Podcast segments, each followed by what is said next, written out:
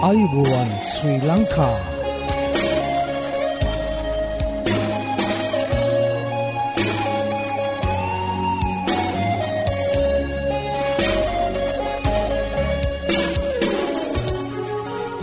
ඔබට සුපදවස මේ ඇඩවෙන්ටිස් වර්ල් රේඩියෝ බලාපොරොත්වය හඬයි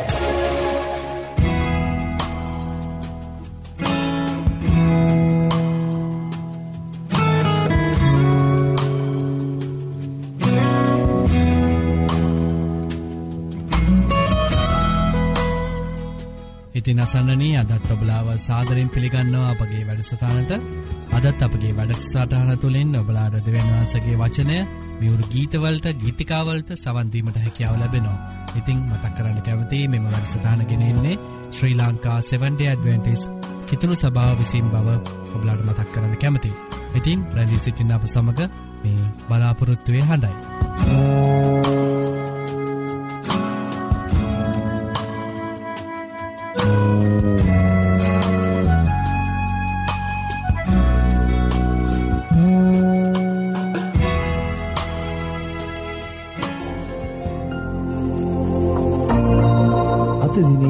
බයිබල් පාටය ජේසුස් වහන්සේ යහපත් එඩෙරානොය එහෙයින් යළිත් ජේසුස් වහන්සේ ඔවුන් නමතා ඒකාන්තයෙන්ම මම ඔබට කියමි. බැටලුවන්ට දොරටුව මමය. මට පළමුුව ආසියල්ලෝම සොරුද කොල්ල කන්නෝද වෙති. බැටලුවෝ ඔවුන්ට ඇහුම්කන් නුදුන්හ. දොරටුව මමය මාතුලින් යමෙක් ඇතුළු වන්නේද ඔහු ගලවනු ලැබ ඇතුළට හා පිටතට ගොස් ආහාර ලබන්නේය. සොරා එන්නේ සොරකම් කරන්ටත් මරන්ටත් විනාශ කරන්ටත් පමණකි.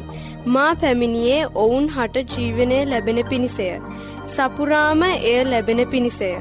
මම යහපත් එඩේරා වෙමි. යහපත් එඩේරා තම ජීවිතය බැටලුවන් උදෙසා පූජා කරන්නේය. එඩේරකු නොවන එසේම බැටලුවන්ගේ අයිතිකාරයාද නොවන කුලීකාරයා වෘර්කයා එනු දැක බැටලුවන් හැරදමා පලා යන්නේය. වෘර්කයාද උන් වෙත කඩා පැන විසිරුවා හරින්නේය. ඔහු පලා යන්නේ ඔහු කුලීකාරයකු වන නිසාත් බැටලුවන් ගැන සැලකිල්ලක් ඔහුට නැති නිසාත්ය. මම යහපත් බැටලු එන්ඩේරා වෙමි. මම මාගේ බැටලුවන් අඳුනමි. ඔහු හූද මා අඳුනති. පියාණන් වහන්සේ මාද මා පියාණන් වහන්සේද අඳුනන්නාක් මෙන් මම මාගේ බැටලුවන් අඳුනමි. බැටලුවන් උදෙසා මාගේ දිවි පුදමි. තවද මේ රැලට අයිති නොවූ අන් බැටලුවෝද මට ඇත්තාහ. මා ඔවුන්දගෙන ආයුතුය. ඔවුන් මාගේ හඬට ඇහුම්කන් දෙති. මෙසේ එක රැලක්ද එක එඩේරෙක්ද වන්නාහ. ශුද්ධ වූ යොහන් දහවෙනි පරිච්ෂයතේ හත්වන පදේ සිට දාසවෙනි පදය දක්වා.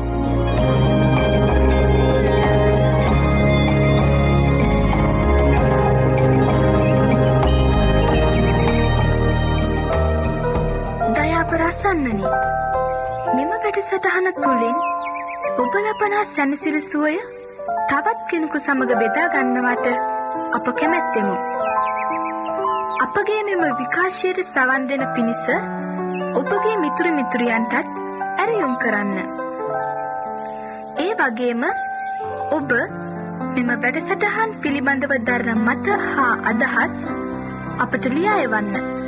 මතකද අපේ ලිපිනය ඇඩවෙන්ටිස්ට් වර්ල් රේඩියෝ බලාපොරොත්තුවේ හඬ තැපැල් පෙට්ටිය නවසය පහ කොළඹ මෙන්න නැවතත් ඇඩවෙන්ටිස්ට් වර්ල් රේඩියෝ බලාපොරොත්තුවේ හඬ තැපැල් පෙට්ටිය නවයයි බිඳුවයි පහ කොළඹ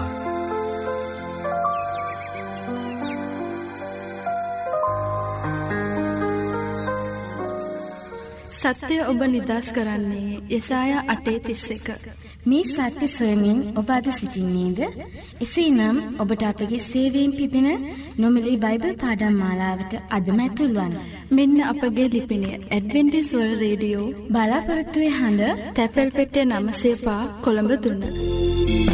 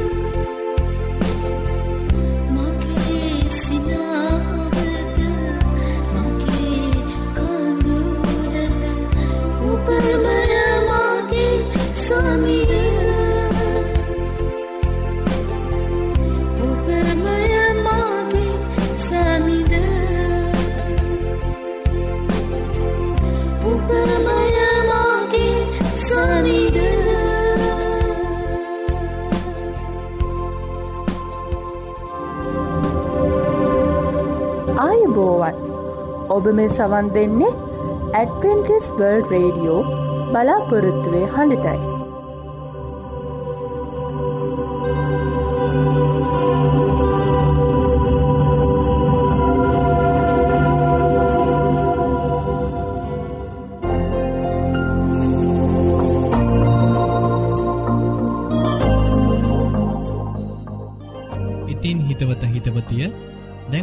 ආරාධනා කරනවා අපහා එකතුවෙන්න කියලා අද තවසේ ධර්ම දේශනාවට සවන් දෙන්න අද ඔබට ධර්ම දේශනාව ගෙනෙන්නේ හැරල් ෆෙනෑන්ඩ දේවක දිතුමා විසින් ඉතින් එකතුවෙන්න මේ බලාපොරොත්තුවය හනට.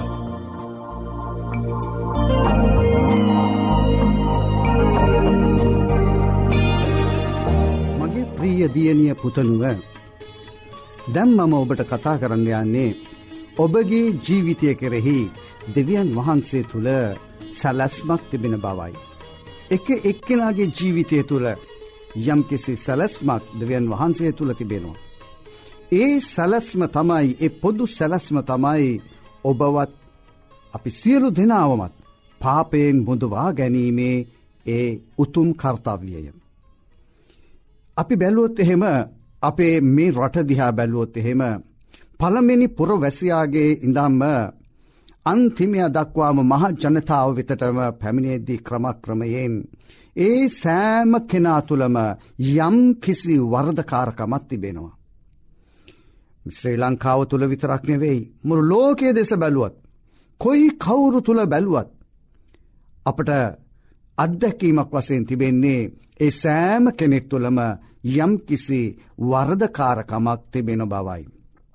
මේ වර්ධකාරකමක් නැති කිසිම පුද්ගලයෙක් මේ ලෝකයේ ඉපදිලත් නෑ ඉප දෙන්නෙත් නැහැ. ජෙසුස් කෘස්තුස් වහන්සේ හැරෙන්න්නට. උන්වහන්සේ මේ ලෝකෙට ආවේ. අපිව ඒ වර්ධකාරකමයෙන් මුදවාගන්නටයි. දෙව වචනය අනුව මේ ලෝකේ උපන් යම් කෙනෙක් ඇද්ද. ජේසුස් ක්‍රිස්තුවහන්සේ හැරෙන්න්නට අන් සියලු දෙනාම වර්ධකාරකම තුළ ජීවත්වනායයි. මෙන මේ නිසා තමයි සුදෝ පාවුලුතුමා කියන්නේ රෝම පොතේ පස්වනි පරිච්චේදයේ දොළොස්වනි පදයෙන් මෙන්න මෙයාකාරයට.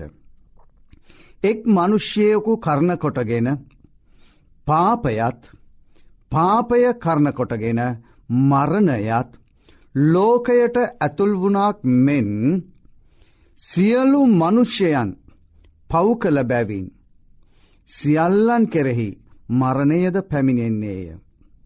ඒවගේම් පවුල්තුමා කියනව රෝම් පොතේ තුනේ විසිතුනෙන් සියල්ලෝම පව්කොට දෙවියන් වහන්සේගේ මහිමයෙන් හීනව සිටිති. බලන්ඩ සියල් ලෝම පව් කරලා තිබෙනවා මෙන්න මේ නිසා දෙවියන් වහන්සේ තුළින් අපි ඈත් වෙලා ඉනවා මේ පාපය නිසා. මෙන මේ නිසා තමයි ජෙසුස් වහන්සේ මේ ලෝකට ඇවිල්ලා සැලස් මදාලාපිව පාපයෙන් මුදවගත්තේ. රෝමහයේ විසිතුන පවසන්නේ පාපයේ කුලියනම් මරණයයි. දෙවියන් වහන්සේගේ දීමනාවනම් අපගේ ස්වාමි වූ ජේසුස් ක්‍රිස්තුස් වහන්සේ තුළ සද්ධාකාල ජීවනයයි. රෝම පහේ අටෙහි සඳහන් වන්නේ දෙවියන් වහන්සේ අප කෙරෙහි ඇති තමන් වහන්සේගේ ප්‍රේමිය පෙන්වන්නේ. අප පෞකාරයන්ව සිටියදීම අප වෙනුවට ක්‍රිස්තුස් වහන්සේ මරණය විඳීමෙන්ය. බලන්න අප පෞකාරයන්ව සිටිද්දීම ජේසුස් ක්‍රිස්තුස් වහන්සේ මිනිස් බව රැගෙන ඇවිල්ල. උන්වහන්සේ මනුෂ්‍යෙක් ලෙස ජීවත් වෙලා. මනුස්ස ජීවිතය තේරුම් අරගෙන ඒ දුර්වලකම් තේරුම් අරගෙන. උන්වහන්සේ ජීවිතය පූජා කලා කුර්සේදී ඔබගෙත් මගෙත් පාපයේ ශාපයේ එ වන්දිය වෙනුවෙන්. මෙන්න මේ උන්වහන්සේගේ මරණයේ ඒ ක්‍රියාව තුළින් තමයි අපට පාප සමාව තිබෙන්නේ. අපව උන්වහන්සේ පාපයෙන් මුදවා ගන්නේ. මෙන මේ නිසා උන්වහන්සේගේ කුර්සේ ජීවිතය අපි විශ්වාස කරමු අපි පිළිගනිමු. එක කොරන්ති පොතේ පාලුසිනි පරිච්චේදයේ එක ඉඳං හතරෙන් පාවුලුතුමා ඔබට පවසනො මෙහෙම. සහෝදරේනි මම නුඹලාට දේශනා කලා වූ නුඹලා පිළිගත්තා වූ නොඹලා පිහිට සිටින්නා වූ නොබලා ගැලවීමට පැමිණෙව්වා වූ සුභාරංචිය නොඹලාට දන්වමි. මා නුඹලාට ප්‍රකාශ කළ කාරණා නුඹලා අල්ලාගෙන සිටින්න හුනම් කුමන වචනවලින් එය නොඹලාට දේශනා කළෙම් දැයි දන්වා සිටිමි. නැත්නම් නුඹලා නිෂ්පල ලෙස ඇදහුවවිය. ඉතින් මාත් ලබාගත්දේ සියල්ලට පළමුුවෙන් නොඹලාට බහරදුනිමි.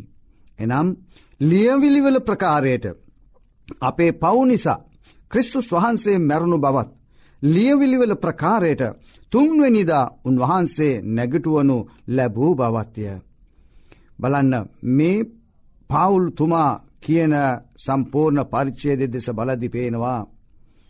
එතුමා ජෙසුස් වහන්සෝ පිළිගත්තා දමස්කට යන පාරේදී උන්වහන්සේ දර්ශනය වෙලා. ඊට ප්‍රථම මේ පවුල්තුමා කිතුනුවන්ට විරුද්ධව ක්‍රිස්තුස් වහන්සේට විරුද්ධව ක්‍රියාකාරි වූ කෙනෙක්. උන්වහන්සේව ප්‍රතික්ෂේප කළ කෙනෙක්. නමුත් උන්වහන්සේ එතුමාට දර්ශනය වෙලා එතුමාගේ ජීවිතරය ඇතුල් වූ මොහොතේ සිට උන්වහන්සේ ගැන දේශනා කරන්නට පටන් ගත්තා. මේ සත්‍යයේ සුභාරංචිය අන් අයට කියා දෙන්නට පටන් ගත්තා. ඒ සුභාරංචිය තමයි සුදෝ පවුලතුමාගේ වචනවලින් කිව්වනම්. ක්‍රිස්තුස් වහන්සේ අපේ පවු නිසා කුර්සේ මැරුණු බවත් ලියවිල්විල ප්‍රකාරයට තුන්වෙනිදා උන්වහන්සේ නැගිටුණු බවත් ජේසුස් වහන්සේ මැරුණේ අපගේ පාපය නිසායි. නමුත් උන්වහන්සේ දෙවියන් වහන්සේ තුළ උන්වහන්සේ ජීවමාන නිසා උන්වහන්සේ නැවත නැගිට්ට. ඒ ජේසුස් ක්‍රිස්තුස් වහන්සේව ඔබත් පිළිගන්න ඔබගේ චරිතයට. යොහන් පොතේ තුනේ දාහත මෙහෙම පවසනවා. දෙවියන් වහන්සේ පුත්‍රයාණන් ලෝකෙට එව්වේ ලෝකයා විනිශ්චය කරන පිණිස නොව. ලෝකයා උන්වහන්සේ කරනකොටගෙන ගලවනු ලබන පිණිසයි. දැන් බොහෝ අය බයින් ඉන්නවා ජෙසුස් වහන්සේ අපගේ සෑම දෙයක්ම සෑම දෙයක්ම විනිශ්චයට භාජනය කරයි කියලා.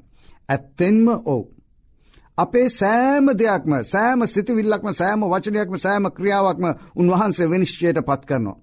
නමුත් අපි උන්වහන්සේගේ දරුවන් බවට පත් වනහම උන්වහන්සේ අපගේ පාප උන්වහන්සේගේ ලේවලින් සෝදල අපෝ මුදවා ගන්නවා. ඒ වගේම යොහන් තුනේ තිස්සය මෙන මෙහෙම කියනවා. පුත්‍රයාණන් කෙරෙහි අදහන්නාට සදාකාල ජීවනය ඇත. නමුත් පුත්‍රයාණන්ට කීකරු නොවන්නා ජීවනය නොදක්නේය. දෙවියන් වහන්සේගේ උදහස ඔහු කෙරෙහි පවති නොයි කියලා. බලන්න යොහන් කියන දේ කොච්චර ගැඹුරු දෙයක්ද තිබෙන්නේ. ජේසුස් වහන්සව අදහන්නාට සදාකාල ජීවනය තිබෙන අන්නේ නිසයි මගේ ප්‍රිය දියනිය පුතනුව ඔබගේ මම ආයාචනය කරන්නේ. ජේසුස් ක්‍රිස්තුස් වහන්සේව ඔබගේ ජීවිතයට පිළි අරගෙන උන්වහන්සේ කෙරෙයි අදහාගෙන උන්වහන්සේ තුළ ජීවනය ලබාගන්න කියල ඒ සදාකාලයෙන් සදාකාලිකයි. නමුත් පුත්‍රයාණන්ට කීකරු නොවන්නා ජීවනය නොදක්නේය ඒ අය සදාකාලික විනාශයට පත්වෙනවා. මෙන මේ නිසා යොහන්තුනේ දාසය කියනවා දෙවියන් වහන්සේ සුවකීය ඒක ජාතක පුත්‍රයාණන් දෙන තරම් ලෝකයට ප්‍රේම කළසේක. එසේ කළේ උන්වහන්සේ කෙරෙහි අදහාගන්න සෑම දෙනම විනාශ නොවී සදාකාල ජීවනයත් ලබන පිණිසය. ද මෙතන කියන්නේ ජෙසුස් ක්‍රිසුස් වහන්සේ දෙන තරම් ලෝකයට ප්‍රේම කලායි කියලා කියන්නේ ඔබට ප්‍රේම කලායි කියන එකයි. මේ බෞතික ලෝකය නෙමෙයි මිනිස් ජාතියට මිනිස් වර්ගයාට ඔබට උන්වහන්සේ ප්‍රේම කලායි කියන එකයි. මෙන්න මේ නිසා ඔබත් උන්වහන්සේ කෙරෙයි අදහාගන්න. එවිට ඔබ විනාශනොවී සදාකාල ජීවනය ලබනවා. යොහන් එකේ දොළහ කියනවා. යම් පමණ දෙනෙක්. උන්වහන්සේෝ පිළිගත්තෝද එනම් උන්වහන්සේගේ නාමය කෙරෙයි අදහා ගන්නෝද ඔවුන්ට දෙවියන් වහන්සේගේ දරුවන්වෙන්ට උන්වහන්සේ බලය දුන්සේක. බලන්න ඔබ ක්‍රිස්සුස් ජෙසුස් වහන්සේව පිළිගන්නවනම් ඔබගේ පුද්ගලික ගැනුම් කාරය හැටියට උන්වහන්සේගේ නාමය කෙරෙහි අදහා ගන්නවා නම් ඔබ උන්වහන්සේගේ චරිතය ඔබගේ චරිතය බවට පත්කර ගන්නවනම් උන්වහන්සේ කියන්නේ මොකක්ද. ඒ අයට දෙවියන් වහන්සේගේ දරුවන් වෙන්නට බලය දෙනවයි කියලා. ඔබ කැමති නැද්ද දෙවන් වහන්සේගේ දරුවෙක් වෙන්නට. ඒ සදාකාලික ජීවනය ලබාගන්නට නොකෙලිටි කවදාවත් නැති නොවන ඒ සදාකාලික ජීවිතය ලබාගන්නට කැමති නැද්ද. එසේ නම් ඔබ දැන් ජෙසුස් ක්‍රිස්තුස් වහන්සේ වෙතට හැරෙන්න. සුදු පහවුලුතුමා මෙහෙම කියනවා. එපිස දෙකේ අට සහනමේ මක් නිසාද ඇදහිල්ල කරන කොටගෙන. ඒ අනුග්‍රහයෙන් නුඹලා ගැලවී සිටින්නහුය. එය නුඹලාගේම නොව දෙවියන් වහන්සේගේ දීමනාවයි. කිසිවෙක් පාරට්ටු කර නොගන්න පින්ස ඒක ක්‍රියාවලින් නොවේ. දැම් බොහෝ අය දානමාන දෙනවා. බොහෝ අය විවිධ යහපත් පුුණ්්‍ය ක්‍රියා කරනවා. විවිධ කර්කසක දේවල් මේ ශරීරයට වදදීලා ඒවා කරනවා මොකටද පාපයට සම්මාව ලබාගන්න ගැලවීම ලබාගන්න. නමුත් ජෙසුස් ක්‍රිස්තුස් වහන්සේ ඔබට කෙතරම් ප්‍රේමවන්තද කිව්වොත්. එ කිසිවක් අවශ්‍ය නෑ ඔබගේ පාපයෙන් මි දෙන්නට. ඒ යහපත් චරිතයක් ලබාගන්නට උන්වහන්සේ කියන්නේ මොකක්ද. ඇද හිල්ල කරන කොටගෙන ජේසුස් ක්‍රිස්තුස් වහන්සේ කෙරෙහි ඇද හිල්ල කරන කොටගෙන ඒ අනුග්‍රහයෙන් ඔබට ගැලවීම ලැබෙන බවයි. ඒක ඔබගෙන් නෙවෙයි ඔබගේ ඒ ජීවිතයේ ක්‍රියාවලින් නොවෙයි ඔබගේ ශක්තියෙන් බුද්ධිහෙන් නොවෙයි ඒක දෙවියන් වහන්සේගේ දීමනාවක් පමණයි. ඒවගේ මෙල්ලිදරවතුනේ විස්ස කියනො මෙන්න මෙහෙම. මම දොරළඟ සිට තට්ටු කරමි. යමෙක් මාගේ හඬ අසා දොර ඇරියොත් ඔහු වෙතට ඇතුල්ව. ඔහු සමග කෑමකන්නෙමෙයි. ඔහුද මා සමග කෑමකන්නේය. මම දොරළඟ සිට තට්ටු කරමි යමෙක්මාගේ හඬාසා දොර ඇරියොත් බලන්න යමෙක් කියලා කියද්දී සියලු දෙනාමන මේ සියලු දෙනා කැමති නෑ ජෙසුස් වහන්සයෝ පිළිගන්න. ඒක යමෙක් කියලා කිවේ. ඒ යමෙක් කියන එක් කෙනා ඔබද ඔබ එසේ නම් ජෙසුස් ක්‍රිස්තුස් වහන්සේගේ හඬ අසලා. ඔබගේ සිත නැමැති ජීවිතය නැමැති දොර ඇරියොත් ඔබ වෙතර ජෙසුස් වහන්සේ ඇතුල් වෙනවා. ඔබගේ ජීවිතය ආශිරවාදමත් කරනවා. ඔබගේ ජීවිතය යහපත් කරනවා. ඔබගේ ජීවිතය ධර්මිෂ්ට කරනවා. ඔබ දෙවියන් වහන්සේගේ දර්වය බවට පත්වෙනවා. රෝමපොතේ දහයේ අටේ ඉඳන් දහයට මෙහෙම කියනවා. වාක්‍යය නුඹ ළඟය. නුඹේ මුඛයේද නුඹේ සිතේද තිබේය කියාය. එනම් අප විසින් ප්‍රකාශ්‍ය කරන ඇදහිල්ලේ වාක්‍යයය. කුමක්හෙයින්ද ජේසුස් ක්‍රිස්තුස් වහන්සේ ස්වාමින් වහන්සේයයි නුම්බේමුකයෙන් ප්‍රකාශ කරන්නෙහි නම් දෙවියන් වහන්සේ විසින් උන්වහන්සේව මලවුන්ගෙන් නැගිට වූ බව සිතින් අදහන්නෙහි නම් ඔබ ගලවනු ලබන්නේහිය. වැඩි දෙයක් කරන්නට අවශ්‍ය නෑ. ඔබ විසින් ප්‍රකාශ කරන ලද මේ ඇදහිල්ල. අප විසින් කියන්නාව මේ ඇදහිල්ලේ වාක්‍ය ඔබ විශ්වාස කරනවා නම් ඔබ ක්‍රිස්තුස් වහන්සේ ජෙසුස් වහන්සේ ක්‍රිස්තුස් වහන්සේයයි ඔබගේ ස්වාමින් වහන්සේයයි කියල ඔබගේ කටින් කියනවනම්. දෙවියන් වහන්සේ උන්වහන්සේව මලවුන්ගේ නැගිටෙව් බව අදහා ගන්නව නම් ඔබව ගලවනු ලබනොයි කියලා දේව වචනය පොරොන්දු අද්දී ලතිබෙනවා. මක් නිසාද. මනුෂ්‍යයා ධර්මිෂ්ඨකම පිණිස සිතින් අදහාගන්නේය. ගැලවීම පිණිස මොකයෙන් කියා දෙන්නේය. කොටස් දෙකක් සෑම කෙනෙක්ම කළ යුතුයි. ධර්මිෂ්ඨකම පිණිස සිතින් ජෙසුස් ක්‍රිස්තුස් වහන්සේව අදහා ගත යුතුයි. ගැලවීම පිණිස ජේසුස් ක්‍රිස්තුස් වහන්සේ ගැන ඔබගේ මුඛයෙන් කියාදිය යුතුව තිබෙනවා. මතයුතුමා කියන්න මෙන්න මෙහෙමයි මතය උදහය තිස් දෙක. මනුෂ්‍යයෙක් ඉදිරියේදී ඔහු අඳුනොමී මා ගැන කියන යමෙක් ඇද්ද. ස්වාර්ගයෙහි සිටින මාගේ පියාණන් වහන්සේ ඉදිරියේදී මමත් ඔහු අඳුනන්නෙමෙයි කියන්නෙමි. බලන්න. ඔබගේ ජීවිතය වෙනස්වනයින් පස ඔබ පාප සමාව ලබාගෙන ජෙසුස් ක්‍රිස්තුස් වහන්සේගේ දරුවෙකුණයින් පස්සේ මොකක්ද උන්වහන්සේගේ පොරොන්දුව. මනුෂ්‍යක ඉදිරියේදී ජෙසුස් ක්‍රිස්තුස් වහන්සේව ඔබ අඳුනොමී කියලා උන්වහන්සේ ගැන ඔබ කියනවනම්. පොරුන්දුව තමයි ස්වාර්ගයේ සිටින පියාණන් වහන්සේත් ජෙසුස් ක්‍රිස්තුස් වහන්සේ ඉදිරියේදී. ජෙසුස් ක්‍රිස්තුස් වහන්සේත් කියනවා. මේාව මම හොඳටම අඳුනනවා. මෙයා මගේ දරුවෙක් කියලා. එහෙමනම් ඔබ ජෙසුස් වහන්සගේ දරුවෙක් බවට පත්වෙනවා. ඔබ විනාශයට පත්වෙන්නේ නෑ. අවසාන වසයෙන් ඔබට මම කියනො මේ දිවියම සැලස්ම පිළිබඳව එක යොහන් පොතේ පස්වනි පරිචියදේ එකලොස්සනි පදීන දහතුන්ගනි පදේ දක්වා මෙන්න මෙහෙම කියන බව. ඒ සාක්ෂය නම් දෙවියන් වහන්සේ අපට සදාකාල ජීවනය දුන් බවය. එක තමයි සාක්ෂිය. ඔබට සදාකාලක ජීවනය දෙවියන් වහන්සේ දීලා තිබෙනවා. ඒ ජීවනයද තමන් පුත්‍රයාණන් තුළ තිබේ. එකන ජේසුස් ක්‍රිස්සුස් වහන්සේ තුළ ඒ ජීවනය තිබෙනවා. පුත්‍රයණන් වහන්සේ ඇත්තාට ඒ ජීවනය ඇත. එකනේ පුත්‍රයණන් වහන්සේ කියලා ජේසුස් ක්‍රිස්සුස් වහන්සේ ඇත්තාට ඒ ජීවනය තිබෙනවා. දෙවියන් වහන්සේගේ පුත්‍රයා නැත්තාට ඒ ජීවනය නැත. එහමනම් ජේසුස් ක්‍රිස්තුස් වහන්සේ ඔබ තුළ නැත්නම් ඔබට ජීවනය නැහැ. දෙවියන් වහන්සේගේ පුත්‍රයණන් වහන්සේගේ නාමය කෙරෙහි අදහන්නාව නුඹලාට මේ දේමාල්ලයා එව්වේ. නුඹලාට සදාකාල ජීවනය ඇති බව නුඹලා දැනගන්න පිණිසය. එහෙමනම් මා මේ ඔවදන් ඔබට ඉදිරිපත් කළෙත්. ඉදිරිපත් කරන්නේත්. ඔබට ජීවිතය තුළ සදාකාල ජීවිතය සදාකාල ජීවනය ලබාගත හැකි බව දැනගන්න පිණිසයි. ඒ ජේසුස් ක්‍රිස්තුස් වහන්සේව අදහාගෙන උන්වහන්සේ ගැන අන් අයට කියාදීමෙන්ය මගේ ප්‍රියදීනය පුතනුව. මේ උතුම් දවසේදී. දිව්‍ය මේ සැලස්ම තමයි ඔබ පාපයෙන් මිදීම ඒ ජේසුස් ක්‍රිස්තුස් වහන්සගේ සැලස්මයි එනිසා අපි යාඥා කරමු. ආදරණීය දෙවිපාණනී ඔබහන්සේගේ දිව්‍ය මේ සැලස්ම අනුව ජේසුස් ක්‍රිස්තුස් වහන්සේව අදහාගෙන උන්වහන්සේ ගැන අන් අයට කියා දෙන්නට අපට ශුද්ධාත්ම වරම් ලබාදුන මැනව. මමත් ඔබවහන්සිට භාරයම ජෙසුස් ක්‍රිස්තුස් වහන්සේගේ නාමෙන්ය ආමී. අපේ මෙ වැඩසටාන තුළින් ඔබලාට නොමිලේ ලබාගත හැකි බයිබල් පාඩං හා සෞඛ්‍ය පාඩම් තිබෙනවා. ඉතිං ඔබලා කැමතිනං ඒවට සමඟ එක්වෙන්න අපට ලියන්න.